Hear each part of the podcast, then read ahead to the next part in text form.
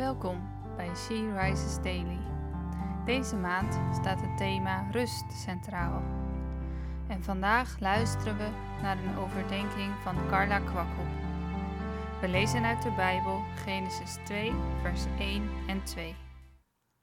Zo werden de hemel en de aarde in al hun rijkdom voltooid. Op de zevende dag had God zijn werk voltooid. Op die dag rustte hij van het werk dat hij gedaan had.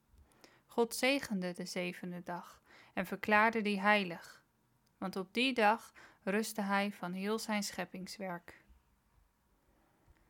Deze maand staan we stil bij het thema rust. God had zijn scheppingswerk voltooid en rustte op de zevende dag, staat in de tekst van vandaag. Was hij moe dan? Nee hoor. In Jesaja 40 staat dat onze schepper niet moe, noch mat wordt. Waarom rustte hij dan op de zevende dag en waarom verklaarde hij die heilig? Ik geloof met mijn hele hart dat God hier vanaf het begin een voorbeeld geeft hoe belangrijk het is om tot rust te komen. Niet alleen voor de mens, maar ook voor dier en land. Rust voor heel de schepping. De zevende dag wordt een heilige dag genoemd, apart gezet. De sabbat heeft de betekenis van deze dag. Laten we al ons werk los en komen tot rust. Een dag om God te eren en aandacht te hebben voor elkaar. Even helemaal niets moeten. Dat wordt nogal eens verkeerd uitgelegd, alsof we niks mogen, maar God heeft in Zijn liefde deze dag ingesteld, zodat wij op adem kunnen komen en Zijn shalom ervaren. Tegenwoordig leven wij in een 24-uurse economie, waar de mens steeds maar doorgaat. Druk, druk, druk, druk. Met vaak stress en burn-out klachten tot gevolg. Ben jij moe? Staat de boog altijd gespannen? Laten we deze maand eens teruggaan naar de basis, hoe God zijn shalom heeft bedoeld. Die wens ik je toe voor vandaag.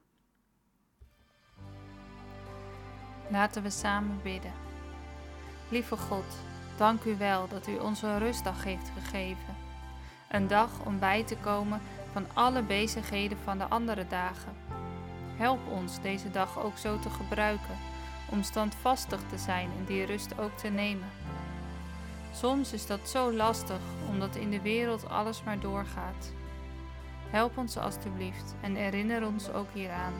Dank u wel dat u voor ons zorgt en het beste met ons voor heeft. Amen.